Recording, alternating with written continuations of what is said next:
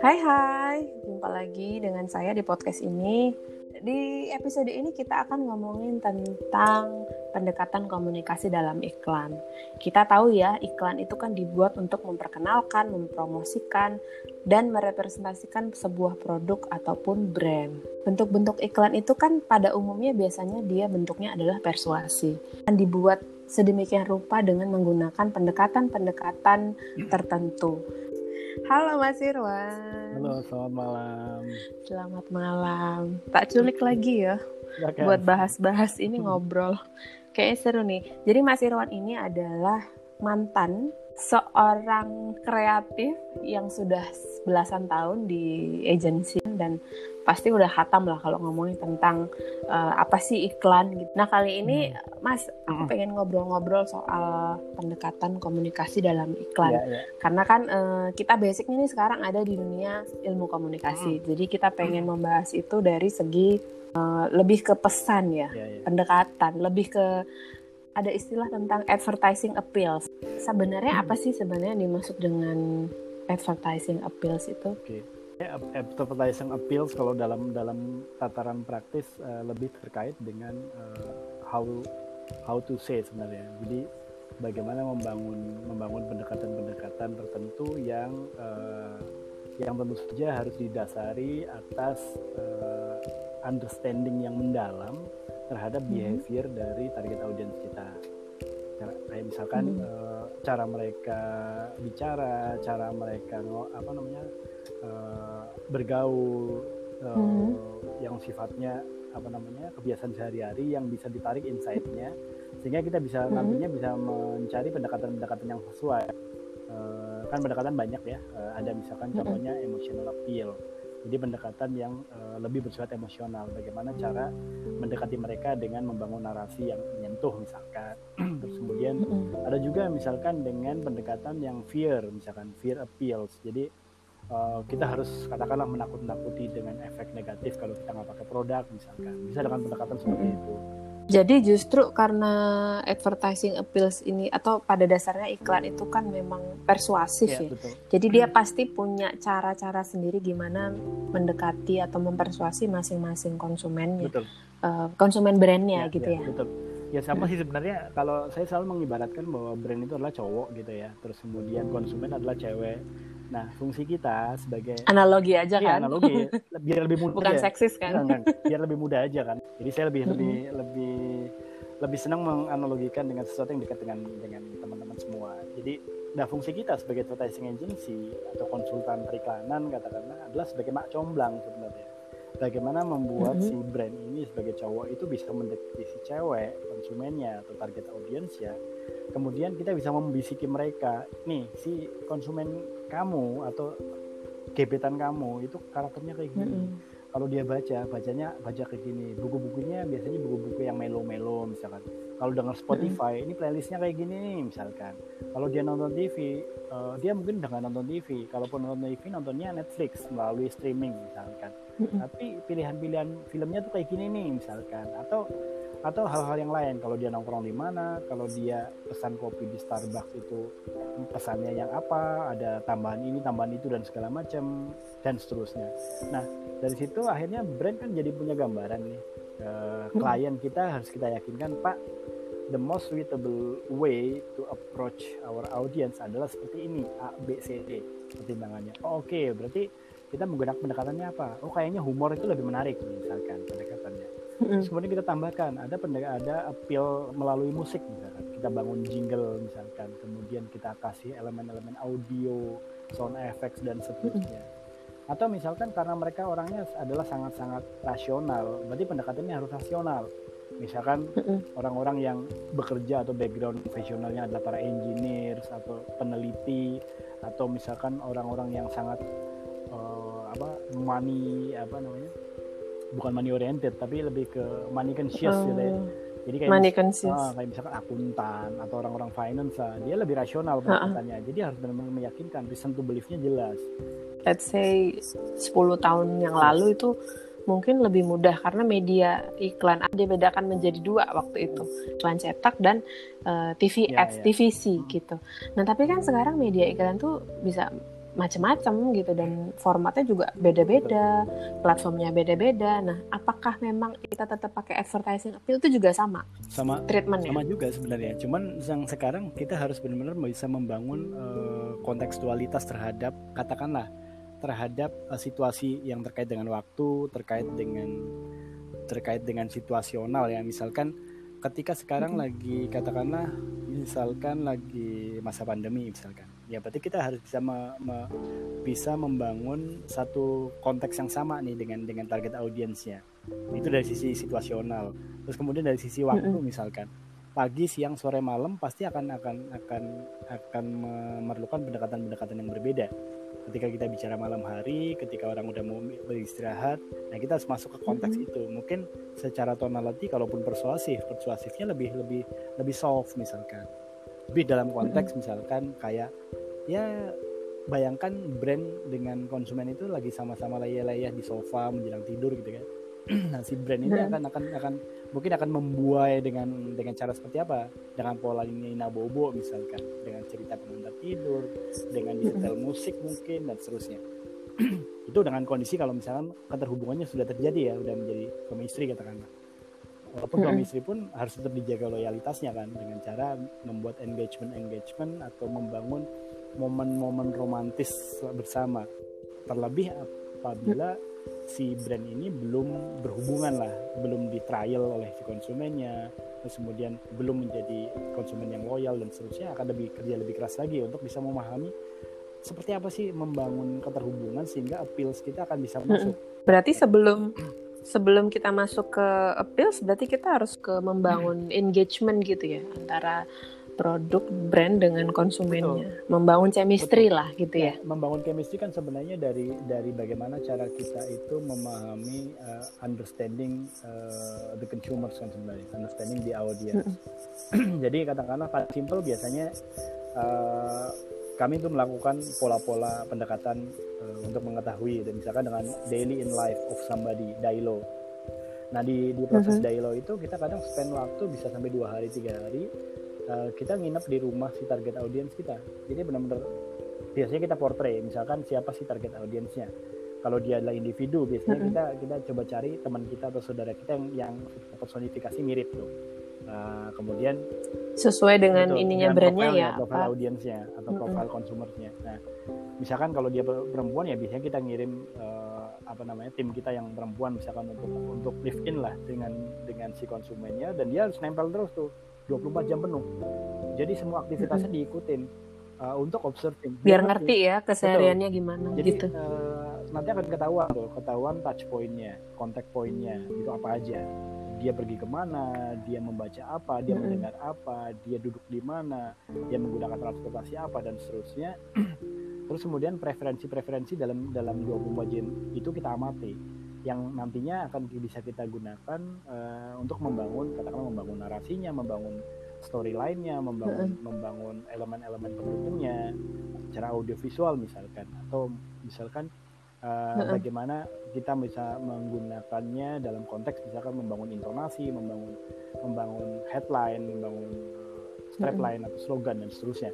Jadi itu yang yang yang yang awal harus kita lakukan. Sehingga nanti akan ketemu tuh uh, appeals mana yang paling cocok gitu mendekati dia. Uh, jadi kita bisa tahu ya misalkan uh, iklan itu sesuai dengan pendekatannya mereka akan merasa seperti ini aku banget gitu ini ini aku seperti diajak ngobrol sama orang yang paham betul aku gitu ya, ya kan makanya makanya uh, uh, komunikasi yang yang efektif biasanya dia bisa membangun mm -hmm. uh, jembatan komunikasi communication bridge-nya terbangun sehingga mm -hmm. akhirnya komunikan atau target audience atau konsumen kita itu bisa feedback Nah, ketika dia membangun feedback, artinya udah terjadi engagement sebenarnya karena polanya udah dialogis tuh, udah bukan monolog. Hmm. Nah, artinya pesan kita yang kita sampaikan melalui medium itu bisa ada feedback dan itu menjadi komunikasi yang berkualitas tuh, hmm. yang nantinya akan bisa membangun eh, dan seterusnya.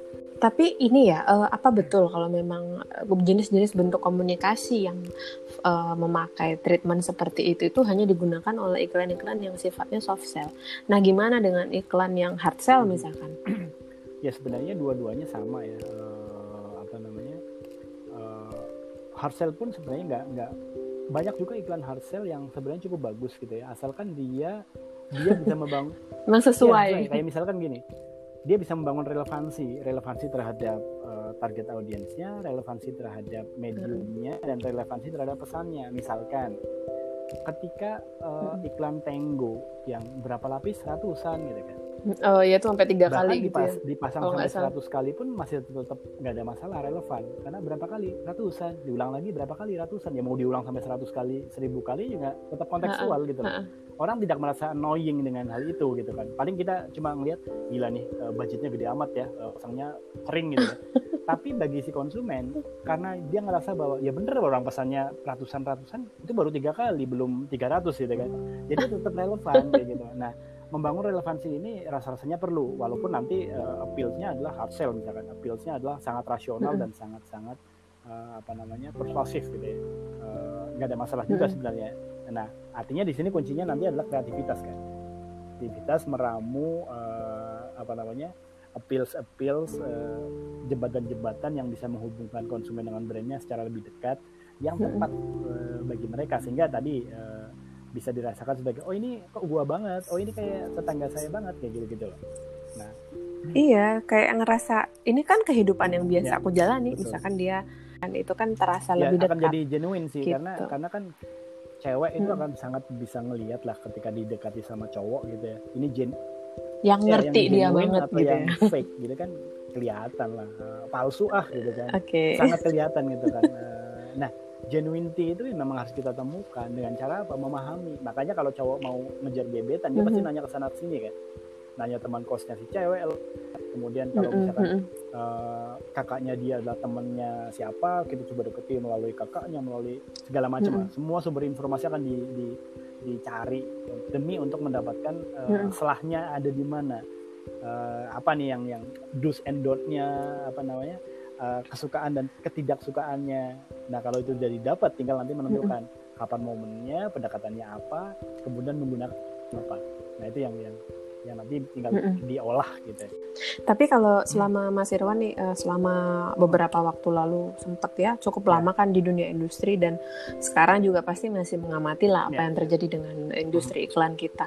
Nah praktiknya kalau di industri iklan di Indonesia itu kayak gimana uh, praktik advertising appeals ini? Karena uh, ya mungkin hanya satu dua atau beberapa brand aja ya yang aku lihat memang mulai yeah. Ya. uh, bagus gitu eksekusinya ad, uh, advertising yeah. appealnya juga bagus tetapi rata-rata itu semuanya kayak hmm. seragam aja ya sebenarnya kalau itu kita gimana melihat dalam konteks iklan itu sampai bisa dilihat oleh pemirsa ya oleh audiensnya uh, lepas dari hmm. masalah nanti ada likability atau tidak kesukaan atau tidak oh, sebenarnya prosesnya cukup panjang yang pasti ya uh, dalam decision making itu berlapis-lapis tuh dari mulai ketika konsepnya diajukan di internal advertising agency-nya udah melalui berapa filtering mm -hmm. proses gitu ya kemudian ke klien nah ujung-ujung terakhir adalah sebenarnya di klien karena klien itu pertama klien itu masih selalu merasa menjadi raja dan ini sebenarnya tidak sehat di, mm -hmm. di industri karena kalau kita melihat luar negeri misalkan contoh tetangga paling dekat deh Singapura atau Thailand gitu di sana relationship mm -hmm. dengan klien itu udah udah boleh dikatakan udah bisa dibilang sejajar jadi konsultan atau agensi itu dianggap sebagai partner. Kalau di sini masih kebanyakan masih memperlakukan kita konsultan itu sebagai vendor. Jadi ya udah pokoknya jadi maunya klien harus turuti gitu ya. uang nah, seperti itu. Dan juga mm-hmm. kadang juga ada faktor individual misalkan klien sering melihat uh, dia kan mempertaruhkan posisi dia kan sebenarnya untuk sekian banyak budget yang ditanamkan sebagai investasi eh, dalam komunikasi. Misalkan untuk bikin campaign eh, budgetnya katakanlah 100 miliar misalkan, dalam satu tahun. Bagi berapa? Banyak, banyak ya. Eh, termasuk media placement dan seterusnya. Nah artinya kan sebenarnya jadi kursi panas bagi si markom manager nih misalkan untuk untuk uh -uh. atau marketing director misalkan untuk investasi situ dia harus mempertanggungjawabkan ke BOD. Nah akhirnya yang terjadi adalah kalau individu itu bukan tipikal yang risk taker, dia kecenderungannya akan melihat ide yang kreatif itu sebagai resiko ketimbang sebagai advancement untuk membuat karir dia lebih tinggi mm -hmm. lagi.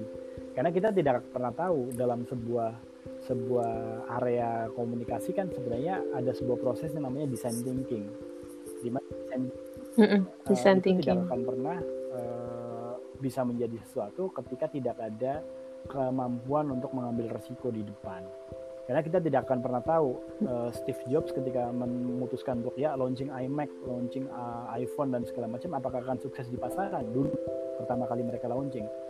Tapi kan mereka sudah dibekali dengan trend forecasting dan segala macam. Nah, proses seperti ini di advertising agency dilakukan. Cuma kadang klien itu uh, banyak pertimbangan yang membuat tidak bisa mengeksekusi sesuai dengan harapan advertisingnya. Apa pertimbangannya itu ya, apa? Tadi biasanya? pertama pertimbangannya adalah uh, posisi, posisi mereka. itu tadi Kemudian atau kadang ada juga mm -hmm. misalkan klien itu uh, walaupun tidak menyalahkan klien 100% ya uh, agensi pun kadang juga ada berperan mm -hmm. juga ada dalam kesalahan-kesalahan tersebut kayak misalkan underestimating underestimating the knowledge of target audience kadang kita masih ngerasa bahwa oh itu kan targetnya ibu-ibu ibu rumah tangga udahlah nggak usah pinter-pinter bikin iklan gitu kan padahal sementara kita nggak sadar bahwa ibu-ibu mm -hmm. itu pun belajar mereka Iya, ibu-ibu yang iya, sekarang beda sama yang dulu. Jangan kan sekarang, zaman dulu aja. Ketika si ibu itu pergi ke pasar, dia melewati berapa billboard. Mm -mm. Hari pertama dia nggak ngerti artinya apa yang ada di billboard. Hari kedua mungkin dia harus berpikir ulang. Hari ketiga, keempat, kelima mungkin dia bisa mm -mm. menebak ini maksudnya apa ya iklan ini. Nah itu kan proses belajar, proses Udah ngerti ya. sebenarnya. Nah artinya walaupun dia tidak lulus SD misalnya tapi kan tidak lulus SD kan bukan berarti dia bodoh. Mungkin karena tidak ada biaya mungkin gitu kan. Nah mengeneralisir target audience uh, seakan-akan mereka adalah bodoh semuanya itu tidak akan membangun uh, karya-karya uh, periklanan yang uh, bisa menghasilkan appeal appeal yang sesuai yang yang kreatif lah katakanlah. Yang ujung-ujungnya dari dulu sampai sekarang ya sepertinya periklanan di Indonesia yang tidak tidak se-advance Thailand misalkan. Tidak. Iya jadi kayak misalkan iklan shampoo ya udah gitu deh pasti ngeliatin betul, shampoo betul. gitu. Eh ngeliatin betul. rambutnya. Dan banyak juga yang yang memang uh, industri itu juga tidak tidak berani ngambil resiko misalkan. Indonesia kan tersusun oleh berbagai macam etnik grup di mana tidak semuanya punya rambut lurus dan hitam gitu kan Uh, Mungkin ada rambut yang agak kecoklatan, misalkan kayak di Nusa Tenggara Timur, uh, ras-ras Melanesia, Papua itu sebenarnya uh, mereka mm-hmm. tidak hitam pekat gitu kayak kayak yang Melayu misalkan, pekat. tapi agak kemerahan. Nah, dan keriting pula gitu kan. Jadi memang sosoknya kan ini kan mm. against mereka sebenarnya kan. Sementara populasi mereka sebenarnya besar. Nah, sebagai klien harusnya bisa cukup mm-hmm. cukup bisa melihat bahwa masih banyak produk-produk yang mendiskriminasi target audiensnya. Nah, kalau kita sadar bahwa ya tapi tapi itu bukan karena ekspektasi audiensnya sendiri kah terhadap konsep ya konsep rambut indah harus begini konsep kulit atau konsep cantik itu harus kulit putih apa bukan karena ekspektasi terus akhirnya produsen eh, ya udah deh aku ngikut ya, ekspektasi bisa, aja bisa gitu. dua arah bukan itu uh, kita kita melihat kan dalam konteks sekarang gitu ya ketika target audiens itu atau konsumen sudah semakin terhubung secara horizontal mereka bisa mendapatkan hmm. informasi tidak cuma secara top down dari produsen. Kalau dulu top down itu ya udah pokoknya cantik itu definisinya seperti ini misalkan. Tapi sekarang kan nggak bisa. Uh, mereka bisa bilang bahwa enggak dong cantik itu menurut saya adalah seperti ini. Jadi uh, woman empowerment aja misalkan itu udah semakin kuat. Uh, apalagi ditambah misalkan kesadaran mereka bahwa Indonesia itu berbeda-beda. Suku-suku di Indonesia Timur dengan yang di Barat itu berbeda pula. Jadi harusnya ketika mereka semakin hmm. cerdas dan semakin terhubung secara horizontal, ada membangun kolektivitas uh, apa namanya uh, knowledge gitu ya bahwa uh, ini brand kok nggak nggak nggak ini banget sih nggak uh, etis banget sih tidak kayak tidak menganggap kita sebagai konsumennya. Kita tetap pakai sampo juga kok tapi kenapa di nggak pernah ada muncul komunikasi yang seakan-akan itu ada di pihak yeah, kita. yeah. seakan-akan kita itu cuma sekedar jadi objek. Nah ini bahaya sebenarnya ketika kalian tetap bertahan di di pola pikir seperti itu. Sementara di sisi lain konsumen itu semakin advance ya cara pemikiran betul semakin semakin belajar, nah, itu juga, juga ya. menjadi menjadi faktor mm -hmm. juga. Nah terus faktor uh, faktor-faktor yang lain uh, ya nantinya pasti akan terkait dengan tingkat apresiasi uh, target audiensnya tapi memang mm -hmm. ini perdebatannya menjadi kayak telur dan ayam gitu. mana duluan konsumennya yeah. jadi pinter duluan kita bikin iklan kreatif atau kita bikin iklan kreatif nanti konsumennya akan terkatrol yang membuat betul. konsumen Ini menjadi pintar kasus yang menarik mm -hmm. di Vietnam Jadi waktu itu uh, mm -hmm. kebetulan manajer saya, kreatif group head itu ada tugas tugas pertukaran karyawan ke di lo. Itu waktu di mana mas? Waktu di lo ya? kreatif group head kami uh, ditukar lah uh, untuk posting di Vietnam waktu itu di Ho Chi Minh. Nah di Ho Chi Minh City uh, mm -mm. dia bercerita satu saat dia pas lagi cuti dia balik ke, ke kantor ke Jakarta dia cerita gila di di Vietnam. Vietnam itu mereka baru merdeka kan sekitar tahun 80-an ya 80 something lah. Nah setelah yeah. perang saudara dan mereka menjadi negara liberal yang membangun ekonominya dengan ekonomi liberal. Nah karena negaranya uh, masih dianggap sebagai negara negara bayi ya lah ya negara yang masih muda investasi dibuka seluas mungkin banyak investment dari luar dari Eropa Amerika dari Jepang dan segala macam. Nah yang pasti kan akan membutuhkan banyak sekali uh, tenaga-tenaga di level ekspatriat kan technical advisor. Nah karena negaranya tidak di, yeah. belum dianggap sebagai negara yang se-advance Singapura atau Jepang misalkan atau Thailand atau Indonesia atau Korea lah misalkan. Korea. Jadi yang ditempatkan di Vietnam itu ekspatriatnya itu ekspatriat terutama ekspatriat terutama ekspatriat muda.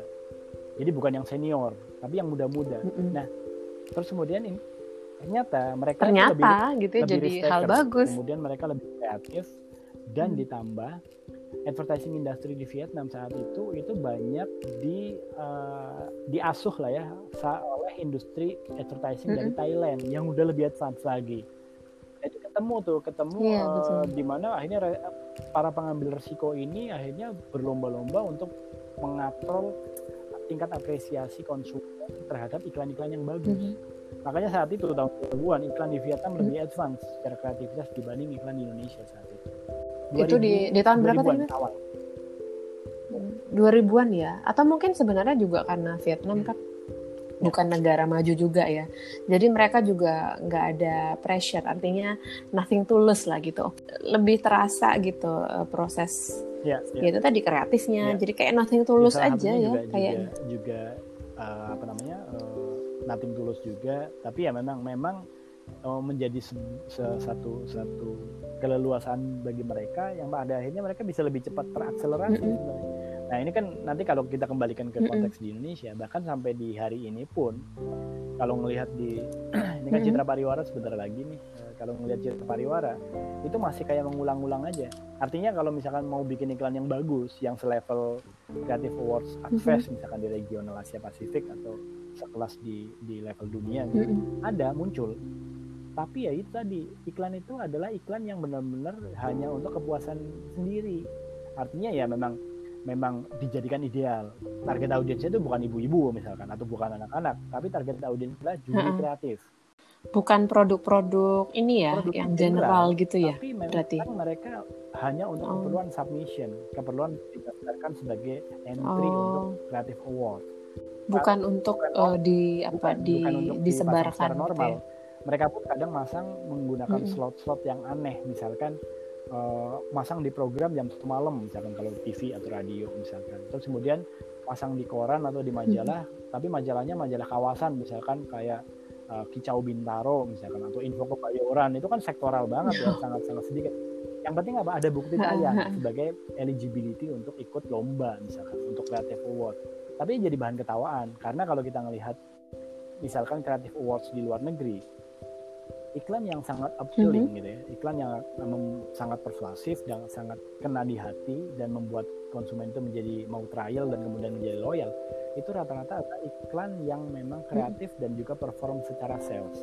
Iya dan menurut aku memang iklan-iklan luar negeri itu jauh lebih ya, gila out of the box gitu ya lebih lebih itu ide-idenya itu lebih ya, karena mereka sadar bahwa aja. bahwa uh, dua-duanya harus tumbuh artinya kemampuan mm-hmm. teman-teman di kreatif di periklanan harus bisa juga men-challenge diri mereka untuk membuat iklan-iklan yang top notch yang kreatif standarnya cukup tinggi dan di sisi lain juga harus dengan uh, secara secara edukasi harus juga mengedukasi market juga mm-hmm. artinya itu memang tugas uh, tugas banyak pihak ya dari mulai asosiasi kemudian tugas dari akademisi misalkan atau tugas dari budayawan untuk untuk selalu men-challenge mm-hmm. masyarakat atau publik sebagai sebagai audiens atau sebagai target market atau sebagai konsumen untuk senantiasa terus belajar bahwa media apa pun itu uh, bentuknya mau dia artikel mau dia pemberitaan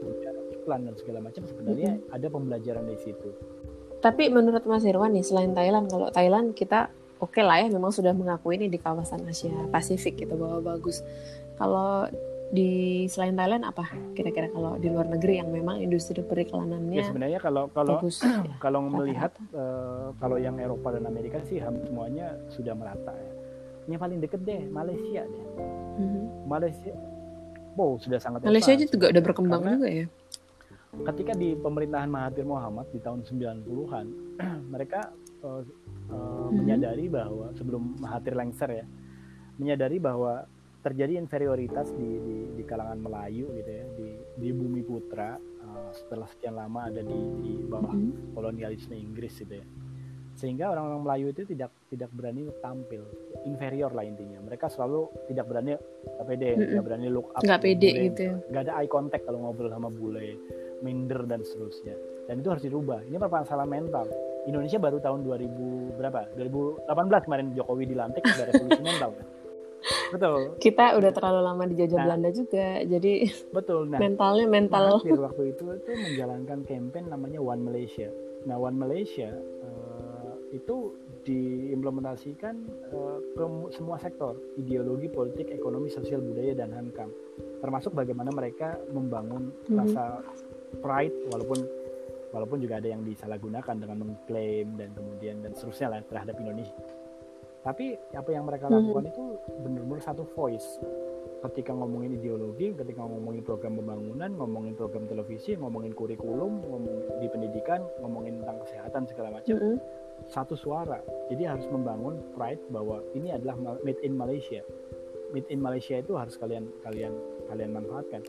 Makanya kan waktu itu di tahun-tahun segitu ya, uh, 90-an akhir sampai menjelang mm -hmm. tahun 2000, Malaysia Air Petronas itu tiba-tiba rising banget kan Petronas masuk ke arena F1 MGP 500 kemudian iya, Malaysia betul. Airlines itu uh, dulu itu orang Malaysia ini penuturan teman-teman uh, teman deket lah orang Malaysia uh, sebelum huh? campaign One Malaysia oleh Mahathir Muhammad orang Malaysia itu beli beli bensin gitu ya atau bahan bakar minyak di pom bensinnya Petronas itu malu Iya, karena, karena merasa ini produk Melayu produk, gitu ya. karena korupsinya merajalela ya mereka bilang disgusting produk. Really? jadi carut marut lah oh. mungkin sama kayak Pertamina ya.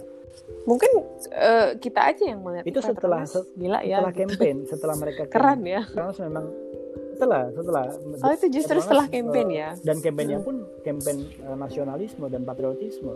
Jadi nggak bicara nggak bicara menjual produk minyak misalnya atau produk minyak bumi retail oli dan segala macam mereka uh, membangunnya pride makanya dia masuk ke F1 uh, eh, made in Malaysia yang yang menjadi mhm. campaign mm-hmm. uh, Malaysian Air juga sama kita kan Malaysia Air waktu itu uh, melihat mm-hmm. secara service dibanding Singapore Airlines udah at par sebenarnya mirip-mirip tuh uh, sementara Garuda waktu itu masih terbelakang banget mm-hmm. ya nah itu tuh jadi jadi kalau kita melihat memang memang harus ada gerakan bersama ya atau pan Indonesia nisasi lah mm -hmm. pan American gitu ya, atau atau cool Japan strategy atau Korea dengan dengan dengan K K K-nya itu kayak drama K-pop macam itu memang K ya oke okay. Dan Korea tuh kalau nggak salah juga ada syarat-syaratnya kan, misalkan Betul. mereka mau bikin drama itu harus ada uh, hal-hal nasionalisme yang karena, dicantumkan dalam drama. sebenarnya dari garis besar haluan negara. Jadi memang ya, udah lama aku nggak denger itu membangun, membangun harus harus jangan parsial maka Jokowi sebenarnya udah bener jadi harus single single mm -hmm. voice gitu ya uh, revolusi mental harus di semuanya korupsi mm -hmm. mm -hmm tetap kurikulum TK, SD, SMP, SMA, universitas itu harus inline.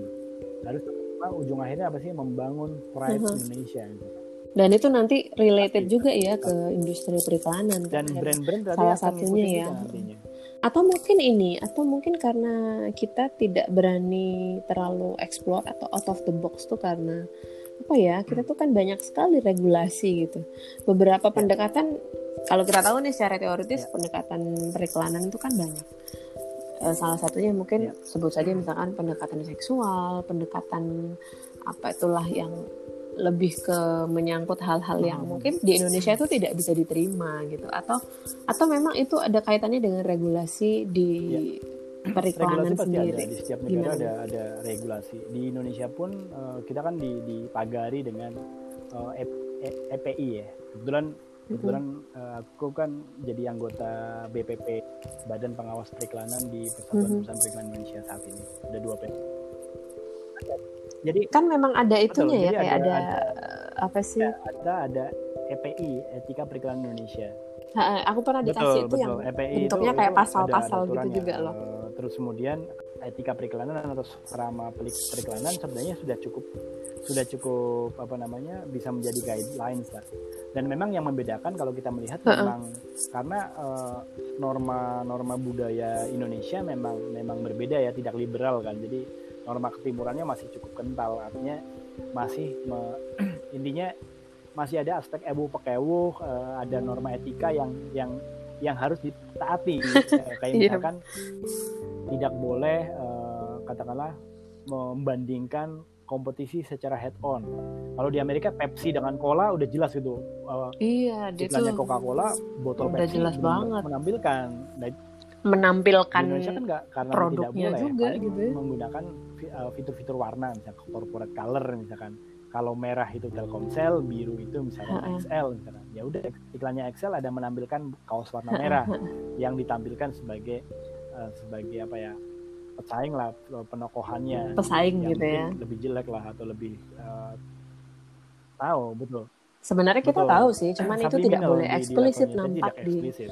nah karena tadi uh, dari sisi swakramanya mm -hmm. memang mengharuskan uh, seperti itu ya di sisi lain memang memang kayak tadi uh, secara kondisi uh, klien yang masih underestimating itu yang akhirnya membuat kita itu stagnan tidak tidak mm -hmm apa namanya terlalu lompatnya terlalu tidak terlalu jauh.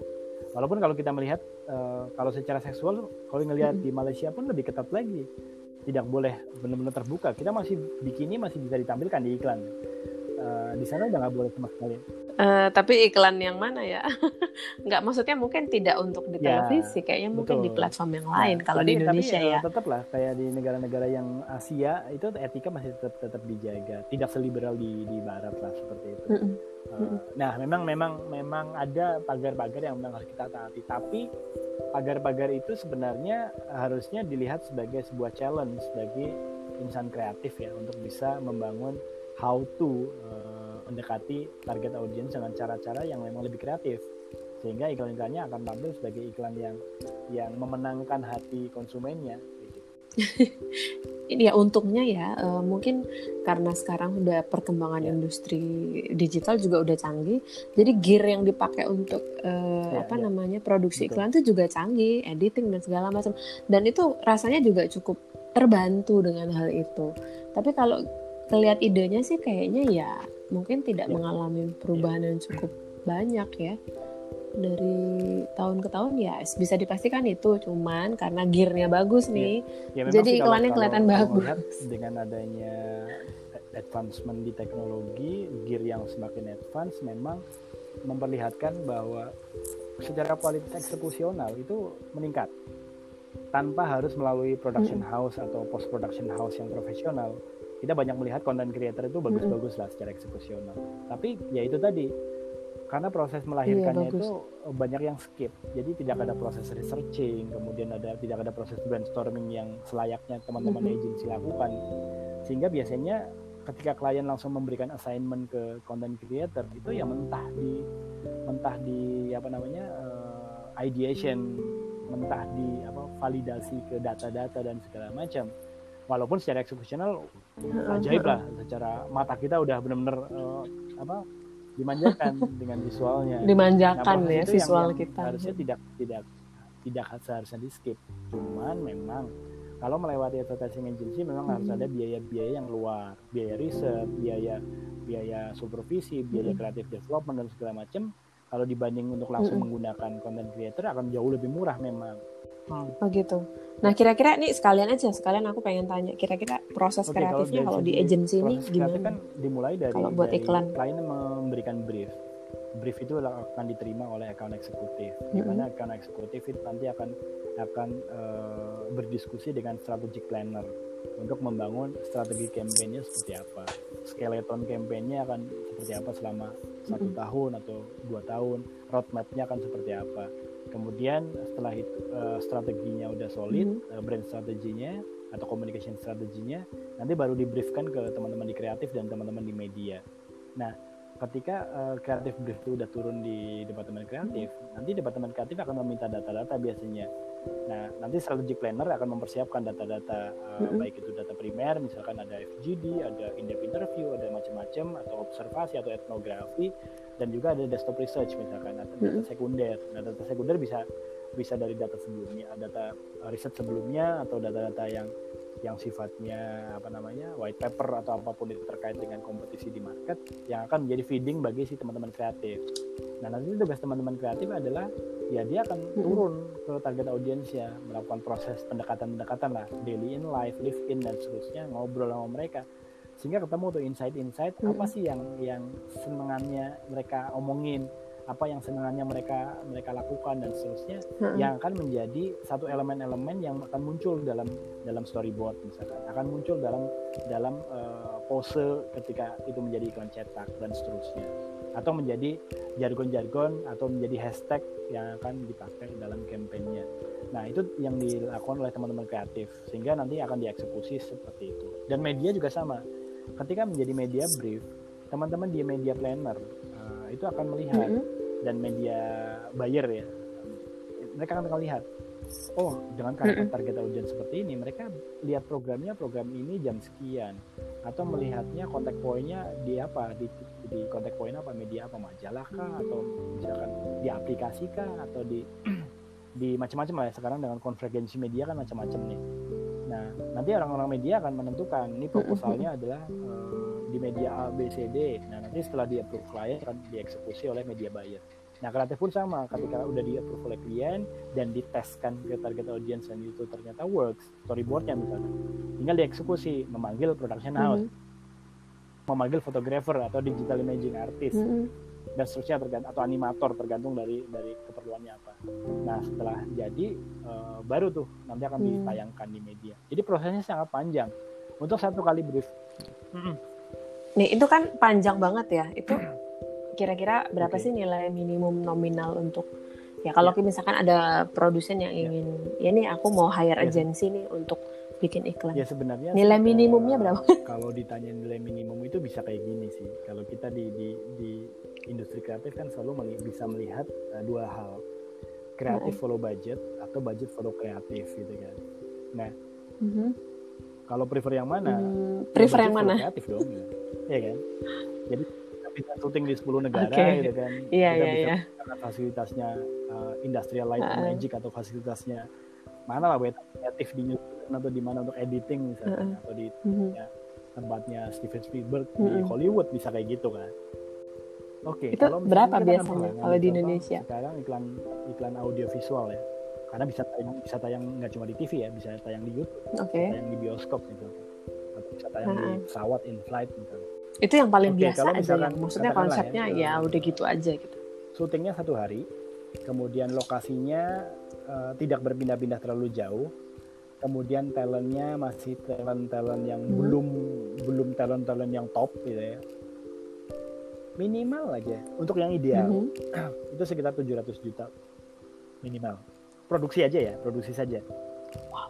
produksi aja untuk produksi aja belum ya. kan tadi proses riset Betul. dan lain-lain nah, itu juga kan nih, perlu uh, dikalkulasi kan ya kondisi ideal untuk produksi itu biasanya sekitar 10% uh -huh. untuk produksi TV, produksi print and produksi macam-macam lah ya. Biasanya ya sekitar memakan sekitar 10% dari total budget. Uh -huh. Jadi mhm. kebayang Berarti kalau ya, tadi 700 ya. 10 persennya banyak sekali ya. memang. Jadi memang memang banyak banget ya untuk berkomunikasi memang besar investasinya dan itu tangible ya tapi dari dari porsi itu tadi, misalkan sebut ya, saja di angka berapa berarti lah, misalkan total budget. Nah. 70 M ya misalkan. Nah, itu porsi yang paling besar itu sebenarnya ada di mana? Ataukah ya. di apa yang media bayarnya ataukah di produksinya atau ada di media buying, media placement lah ya. Uh, yang mana kita tahu media placement yang masih paling pro, masih paling premium ya di TV uh, masih paling mahal betul Iya, padahal udah nggak ada yang nonton TV loh. Maksudku uh, sekarang kan orang pasti akan beralih ya ke media-media yang sifatnya yang lebih personal, lebih custom. Uh, iya. Lebih on demand. Lebih personal dan ini apa sih istilahnya? On demand, betul. Nah, itu gimana? Apakah tetap, tetap ya jadi kalau misalkan beriklan di TV tanya gitu? gitu ya, TV masih perlu atau tidak? Ya masih perlu. Karena apa? TV itu secara magnitude-nya masih akan tetap dilihat sebagai sebuah uh, sebagai sebuah indikator bahwa brand ini cukup punya cukup punya apa ceng, daya cengkram hmm. di market gitu Karena begitu tayang di TV nasional yang ratingnya tinggi, itu akan hmm. kelihatan wah ini mampu nih brand. Berarti kredibel nih, menguasai nationwide misalkan uh, secara nasional. Nah itu masih diperlukan. Sama kayak hmm. misalkan Kompas cetak itu udah nggak terlalu dibaca sekarang. Dia sekarang udah porsinya bisnisnya udah menurun mungkin yeah. sekarang tinggal 20 persenan di Kompas Gramedia Group gitu. Tapi apakah Kompas Gramedia akan mematikan Kompas cetak? Enggak, tetap mm -hmm. harus ada. Karena itu flagship pertama bagi si Kompas. Terus yang kedua, bagi para pengiklan e, beriklan di Kompas yang cakupannya nasional itu praktisnya masih tetap dilihat dan itu dibutuhkan oleh brand. Nih, kita itu masih eksis mm -hmm Betul. Untuk exposure gitu ya. Tapi ya, pertanyaannya apakah efektif akan mengkonversi ke pembelian hmm. itu ya ya belum tentu karena kan media betul dia lebih untuk membangun uh-huh. good feeling terhadap brand dari si konsumennya. Jadi creating good feelings towards the brand yeah. sebenarnya fungsinya untuk itu masang di TV dan dan di koran nasional katakan seperti itu. Nah untuk konversi pembelian kan uh-huh. masih panjang nih. Uh, karena sampai di point of purchase di titik-titik-titik uh, di mana kita ngeluarin dompet itu pun masih masih bisa bergerak nih masih bisa sway masih bisa apa namanya yeah. swinging gitu loh swinging decision gitu kan makanya di mm-hmm. ke, di kasir supermarket itu kan masih tetap digoda kan dengan adanya SPG dengan adanya wobbler atau self talker atau, suara sensor yeah. gimmick gitu nah, ya jadi memang memang memang uh, kalau kita bicara iklan nanti uh, diskusinya pertanyaannya adalah uh, iklan untuk awareness uh, sampai mm-hmm. untuk creating desire lah sampai di situ tapi begitu untuk action mm-hmm. Itu nanti dulu itu uh, konvergensi tapi ini aku sekarang ngelihat bahwa uh, kayak misalkan ya iklan-iklan atau produk yang di TikTok atau di apa platform-platform media sosial yeah. itu ya bagus juga sih secara penjualan justru generasi sekarang itu kayak ngeliat apa yang diiklankan di TikTok itu jadi ya. lebih tergugah untuk nah, membeli gitu. Kalau mhm. internet itu membuat demokratisasi di segala hal gitu ya. Nah, membuat tidak ada lagi selebriti dan mm-hmm. tidak ada lagi fans. Yang ada adalah semua orang bisa jadi selebriti. Makanya TikTok itu menyediakan panggung. Mereka yang tidak bisa punya panggung. Zaman dulu kan kalau anak-anak ikut lomba pemilihan putri cilik itu kan sangat membanggakan dan itu susahnya minta ampun kan orang tua uh harus ikut berjuang dan segala macam untuk anaknya iya. bisa tampil di catwalk kelas kabupaten misalnya. Nah sekarang kan panggungnya banyak sekali. betul. Mencari panggung itu adalah kebutuhan hakiki. Nah, pakai Q ya hakiki. Ya. Kebutuhan hakiki dari setiap insan di dunia sebenarnya kan. Semua orang pengen punya panggung, makanya sosial media menjadi tempat ya untuk mereka manggung. Nah panggung yang yang virtual yang sama kayak panggung real itu ada di TikTok sebenarnya. Nah itu membuatnya menjadi demokratis. Gak perlu ikut Indonesian Idol untuk bisa punya panggung gitu kan. Eh, dan semuanya bisa menjadi dan itu cukup murah karena orang biasa bisa menjadi bisa menjadi selebriti gitu kan. Yang mungkin secara uh, apa namanya mm-hmm. bagi brand untuk masuk ke situ akan lebih memudahkan uh, apa namanya dia bisa memberikan modal bagi siapa pun untuk menjadi selebriti dan di situ sebenarnya the real celebrity adalah brand sebenarnya kalau dia bisa optimal mm-hmm. mengoptimalkan pendekatan-pendekatan dalam TikTok gitu ya.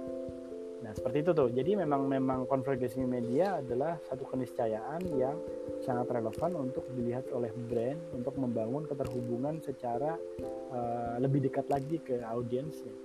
Nah mengutilisasi uh, semua mhm. aplikasi-aplikasi tadi itu dirasa perlu. Instagram for business ada, Facebook for business ada, WhatsApp for business ada uh, TikTok for mm -hmm. business ada, Line for business ada channel, Line channel, BBM channel juga ada. Semuanya sekarang yeah. dibuka untuk uh, bisnis juga. kita balik lagi ke yang tadi nah kalau menurut Mas Irwan nih uh, apa sih iklan yang oh. bagus nih kalau di Indonesia lima tahun terakhir hmm. yang paling konsepnya tuh paling paling uh, bagus paling mengena gitu iklan yang yang paling mengena uh, yang paling top of mind aja yang yang muncul mm-hmm. paling mudah yang bertahan ya dari dari awal ketika dia mulai membangun komunikasi sampai sekarang yang masih tetap konsisten dan tetap sama gitu ya itu email email email email betul. Sama ini ya, apa? ya. Uh, jarum ya, 76 jarum 76, ya?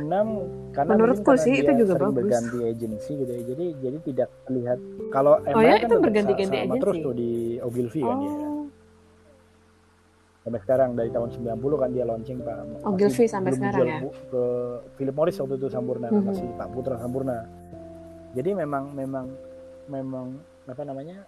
Mm -hmm. ya memang kebetulan sih kebetulan Pak Putranya visioner dan sangat risk taker sehingga memberikan ruang bagi kawan-kawan di Ogilvy untuk bisa eksplorasi lebih lebih gila ya. Karena juga kebetulan target audiensnya -anak muda kan anak-anak milenial yang waktu itu masih masih di SMA lah ya. Mm masih SMA masih belajaran mau ngerokok gitu kan. Ditantang belajaran itu, lah ya udah kena tuh. Sampai sekarang pendekatannya jadi konsisten. Dan dan yang paling bagus adalah sebenarnya ketika komunikasi yang dilempar sebagai output iklan misalkan di media apa pun itu bisa memberikan memberikan satu proses dialogis mm uh, yang bisa membangun feedback. Makanya iklan-iklan email dari dulu sampai sekarang itu selalu bikin mikir. Iya, betul. Atau justru itu uh, pancingan untuk kita menyaksikan iklan TV-nya misalkan. Ternyata dia yeah. udah beriklan dulu nih di uh, koran gitu. Itu cuman kayak blank terus dia di bawah ini. Ya, Ternyata itu sambungannya. Melihat, kita harus lihat TV uh, iklan yang di TV gitu. Namanya, apakah kita harus melihat TV sih uh, tidak juga karena karena dengan dengan kondisi sekarang uh, tidak semuanya harus semua kan harus berbagi ini ya berbagi peran antar media ya, ya jadi kalau kita melihat konsep IMC kan mm-hmm. ada banyak tuh toolsnya. Terus kemudian kalau kita melihat media mix pun toolsnya juga banyak kontak poinnya. Nah semuanya masing-masing berbagi peran sebenarnya. Nah nah uh, mm-hmm. apa namanya karakternya sebenarnya beda-beda ya. Kalau misalkan kenapa di billboard akan selalu membuat kita mengernyitkan dahi lebih keras gitu ya? Karena apa billboard karakternya apa? Dia adalah iklan yang dipasang dengan target passerby, orang yang lewat di jalanan. Jadi maksimal headline itu harus cepat gitu ya, memperhatikannya sekilas. Kata. Jadi memang harus cepat. Jadi cuma ada main visual, kemudian ada headline mm -hmm. yang nggak lebih dari tujuh kata, dan kemudian ada logo dan website. Nah, kita nggak akan mendapatkan apa-apa, tapi yang akan kita dapetin adalah headline-nya apa, mm -hmm. visualnya apa, dan websitenya apa. Udah cukup. At ya datang ke website. Nah di website kan yeah. kalau mau lebih tahu datang ke website gitu ya. Interaksi dengan gamenya, ngobrol, chat roomnya ada dan seterusnya. Jadi lebih engagementnya lebih diperdalam di sana. Mm -hmm. Nah ketika dia melihat iklan TV, ya dia membangun good feeling. Mm -hmm. Hingga narasinya membuai, storyline-nya tuh langsung diinget, talentnya cantik dan segala macam, musiknya oke. Okay. Iya. Emotionally lebih engaging menurut makanya memang emotionally itu. gitu ya memang, dalam 24 jam tidak semua media itu bisa kita konsumsi jadi misalkan aku itu langganan uh, Mola ya, gitu ya. aku langganan Mola hanya aku udah ada IndiHome tapi aku langganan Mola hanya karena Premier League jadi IndiHome uh -huh. itu ya buat anak-anak aja uh, aku nggak pernah lihat acaranya channel-channelnya IndiHome kecuali Nat Geo ya kecuali National Geographic walaupun nanti pun aku bisa bisa lihat uh -huh. di YouTube lah eh, mau nyari dokumenter apa kan ada tapi berarti kan bisa dilihat aku nonton TV cuma di Sabtu Minggu uh -huh. ketika ada bola atau Champions League atau ya bola aja gitu nah artinya akan sia-sia ketika target audiens adalah uh -huh. aku gitu ya profilingnya seperti ini masang di TV nasional uh -huh. ya akan dilihat gitu kan nah artinya memang memang masing-masing nanti akan mm-hmm. Lagi-lagi uh, pemahaman kita terhadap media behavior dari konsumen akan menjadi sangat penting untuk membangun uh, apa namanya pendekatan-pendekatan mm-hmm. pills pills apa yang kira-kira cocok untuk untuk uh, digunakan seperti itu sih uh, apa namanya kurang lebihnya mm-hmm. email email jadi apa tadi iklan yang oke okay? selain email, email ya, ya? selain email mungkin yang masih masih cukup cukup uh, apa namanya cukup kuat sampai sekarang itu ada dua sebenarnya yang kebetulan kebetulan aku ikut terlibat di situ mm-hmm. uh, Pepsodent dan susu bendera. Uh-uh. Uh, yang mana? Tasya, serinya Tasya dulu. Pepsodent yang seri apa nih? Itu kan banyak. Ya, jadi uh, kenapa kenapa? Oh iya, Tasya zaman kecil uh, dulu ya. Dia membangunnya sangat genuine, uh, slice of life. Jadi realita drama keluarga yang real dan gak mengada-ada apa adanya karena emang itu didasari riset Unilever sangat kuat memang dia kuat di basis risetnya jadi mm-hmm. tapi memang kalau nggak salah Indonesia itu betul, kebagian jadi, ini ya iklannya pasta gigi ya betul. dari Unilever jadi ya Indonesia kalau nggak salah sampo itu uh, di Thailand excellence mm-hmm. untuk oral care itu di Indonesia kalau di Thailand itu personal care terutama rambut dan kulit produk-produk untuk itu mm-hmm. nah itu yang membuat uh, memang uh, Unilever juga mempertaruhkan mm -hmm. bisnisnya uh, di Indonesia untuk pasta gigi karena konsep regional center itu untuk Asia Pasifik jadi Asia Pasifik dipusatkan di Indonesia nah waktu itu memang memang yeah. Iya. uh, apa uh, Unilever kepengen bahwa Pepsodent harus bisa menjadi pasta gigi preference orang-orang Indonesia jadi ya yang yang pada akhirnya kita harus bisa menangkap insight-insight mm -hmm. dari situ termasuk terkait dengan budaya terkait dengan dengan cara pandang terkait dengan filosofi dan segala macam kita masukin di situ kayak misalkan ketika giginya tanggal gigi bawah dibuang ke atas gigi atas dibuang ke bawah kayak gitu gitu tuh terus kemudian apa berantemnya kakak dan adik itu ditampilkan yeah, yeah, alami yeah. karena ketika di tempat syuting pun si Tasya dengan Franz Franz itu nama-nama aslinya si pemerannya. Itu mereka juga berantem berantem beneran di lokasi syuting. Uh dan lebih natural nah, lebih terasa bahwa ya ini ya, real life sih dia bisa mengcapture uh, situasi situasi Indonesia seperti apa. Ingat gak dulu yang ini teh susu? Susu bendera yang mana ya mas? Uh, masih? Oh, itu masih, itu masih susu bendera ya kan? Sekarang namanya jadi nah, Frisian Di seri-seri itu baik Pepsodent mm -hmm. maupun Frisian Flag itu sangat Indonesia. Jadi kalau melihat iklan Indonesia itu tercermin di dua brand itu sebenarnya. Jadi nggak ke barat-baratan atau nggak ke timur-timuran ya itulah Indonesia gitu. Iya iya iya. Real gitu lah. Jadi salah pahamnya antara orang Betawi dan anak Betawi dan anak Medan misalkan. Susu ini buat tulang aku, bukan itu bukan buat tulang aku. Maksudnya satu buat pamannya, susunya satu buat tulangnya orang Betawi gitu. Ya. Atau teh dengan ini teh susu susu kok dibilang teh. Nah, pemahaman itu kan karena kita bersuku-suku gitu kan. Jadi sering-sering sekali terjadi salah paham. Tapi begitu ketemu dengan satu produk, pemahamannya harusnya sama kayak gitu. Betul. Nah, itu itu Oh, uh, ini gitu. Ya. Personally, uh, walaupun memang bukan karena terlibat di dua brand itu ya, tapi karena memang memang basis risetnya itu benar-benar kepengen masuk ke keindonesiaan sekali. Jadi memang iklan harus memberikan identitas. Sama kayak kita ngelihat, oh itu Thailand banget iklannya oh itu Amerika hmm. banget itu karena memang iklan adalah hmm. cerminan paling jujur dari sebuah budaya sebuah profil budaya di satu wilayah itu iklan bukan di film hmm. berarti nggak related ya berarti nggak related ya iklan kecuali kalau produk Amerika masuk ke Indonesia Amerika gitu ya. tidak related. untuk produk-produk yang memang global ya kayak misalkan produk-produk terkait dengan yang dikonsumsi secara global kayak misalkan sepatu aparel misalkan itu ya bisa bisa aja lah secara global tapi mobil masih bisa masih mm -hmm. bisa. Kecuali kalau satu kategori mobil MPV, gitu? Enggak uh, eh, MPV itu sangat Indonesia sekali. Yang five seater atau seven seater mm -hmm. banyak orang yang masuk dan segala macam. Karena iya, mobil banyak itu orang yang masuk Indonesia. jadi semuanya bisa keangkut mm -hmm. uh, semuanya harus bisa memasukkan barang dan segala macam. Betul. Betul betul. Iya Makanya mulai dari kakek nenek sampai cucu itu harus masuk semua kecil, gitu ya. tapi kalau punya rumah yeah. harus minimal dua lantai padahal nggak nggak diperlukan perlukan amat kalau kita ngelihat. Ya karena hmm. karena ya tadi uh, karena apa itu? tinggal di situ bisa menampung keluarga lah. Misalkan banyak yang aku, tinggal di situ. kalau di luar negeri kan misalkan begitu dia merantau oh, dari yeah. Surabaya 18 tahun masuk kuliah ke Jakarta ya dia harus cari apartemen atau cari kos kosan gitu kan. Kalau kita kan nggak mm -hmm. nyari siapa nih tetangga yang bisa ditumbangin atau kakak atau siapa. Iya. Karena memang komunitas gitu. Nah itu yang yang yang membuat pembeda pembedanya ada. Di iya situ. betul. Untuk yang memang sangat sangat Indonesia ya insightnya minuman hmm. itu kan hmm. sehari-hari ya personal care, food, beverages itu sangat Indonesia sekali. Makanya dulu kayak kayak apa di susu bendera itu ada profiling yang di Aceh yang minum susu itu uh, pakai piring kecil Iya iya iya. Oh iya itu namanya di ini Betul. kan nah, uh, saucernya kan cangkir itu ya. Itu nggak ada di, ha, kayak di gitu kan. Singapura, nggak kan? ada di Thailand, itu Indonesia sekali.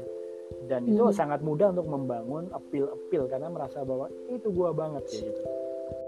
Mm-mm. Jadi sebenarnya kalau kita risetnya itu apa ya memang benar-benar mendalam tentang seperti seperti apa sih uh, konsumen Indonesia ini kesehariannya budayanya. Betul. Sebenarnya appeal-appeal itu bisa Betul. kita Karena bisa dengan mudah gitu implementasikan gitu, konsepnya ya kan. Uh, kreatif itu sebentar kok nggak terlalu lama asalkan kita memang sudah dibekali dengan hmm. dengan riset yang bisa memunculkan insight-insight yang yang tajam ya jadi insight yang tajam kan kayak tadi misalkan uh, mispersepsi mhm. antara mm-hmm. antara orang dengan suku yang berbeda misalkan atau misalkan ada insight budaya apa yang terkait dengan gigi misalkan mm-hmm. oh gigi atas gigi bawah kalau tanggal dibuang ke atas dibuang ke bawah udah nggak usah diributin mm-hmm. nih antara suku Jawa yang percaya mm-hmm. dengan itu atau Sumatera yang tidak percaya dan segala macam yang penting gigi itu harus dirawat ya gitu misalkan kan pesannya itu sebenarnya kan tapi menarik Oh iya, iya, iya betul. Iya. Kalau aku suka ini nih iklan Ramayana. itu sangat ya terasa iya ini kan emak gue begini ya Dan gitu. Pada akhirnya kan kayak, memang, memang ya terasa memang Indonesia ya, juga. Iklan yang yang mem, membela konsumen yang besar dengan yang hanya membela klien kan berbeda. Kalau hanya membela klien, artinya klien mm -hmm. memveto enggak idenya ini aja seperti ini. Dia nggak mm -hmm. percaya dengan riset, dia nggak percaya dengan bahwa uh, walaupun hmm. konsumen level bawah sekalipun mereka sebenarnya belajar. Ini satu satu bukti. Tukang beca atau ah, tukang sopir bajai deh. Dulu aku pernah kos di Jakarta Selatan mm-hmm. deket pasar Blok A. Itu aku kalau kalau pagi sebelum ke kantor mm-hmm. pasti sarapannya di warteg di deket kos-kosan. Nah di situ selalu ketemu dengan para sopir bajai karena itu deket tangkalan bajai. Orang-orang Tegal orang-orang Brebes tuh. Mereka rata-rata tidak lulus SD mm-hmm. tapi ketika di warteg wah mereka itu bisa berdebat panjang untuk urusan pilpres mereka paling mereka jago-jagoan jadi pengamat politik dan mereka wow. cara mereka mengamati benar jadi mereka menjadi kayak analis-analis mm-hmm. kayak yang ada di TV gitu karena apa nah ternyata ternyata mereka ya di situ selalu melihat ada TV di TV-nya yang mm-hmm. punya wart terus ada koran pos kota yang korannya udah lecek banget karena dibaca sekian banyak orang. Nah artinya sebenarnya mereka mm-hmm. uh, kalaupun mereka bisa baca mereka bisa mendapatkannya di situ. Tapi yang yang sebenarnya paling menarik adalah mereka ternyata belajar dari jalanan. Jadi sopir bajai kan tiap kali ngelewatin rute tertentu tuh sampai ke terminal blok M misalnya. Ada berapa billboard yang dia lihat hari pertama billboard dipasang dia nggak tahu artinya apa hari kedua belum tahu juga hari ketiga mm-hmm. keempat kelima hari 30 dia baru baru nggak oh ternyata ini pesannya ya. Mm-hmm. Nah itu kan sebuah proses belajar sebenarnya. Nah, nah ini yang suka dilupakan oleh klien dan oleh agensi. Yeah. Nah makanya dulu aku pernah banget tahu banget ada quote dari jadi aku pernah ikut training di Law yang datang itu uh, Adrian Holmes itu uh, worldwide creative mm-hmm. directornya Law dari Inggris. Jadi ngajarin kita waktu di Jakarta. Nah dia cuma bilang gini, the biggest crime uh, in advertising adalah mm -hmm. ketika klien maupun advertising agency underestimating the knowledge of the audience.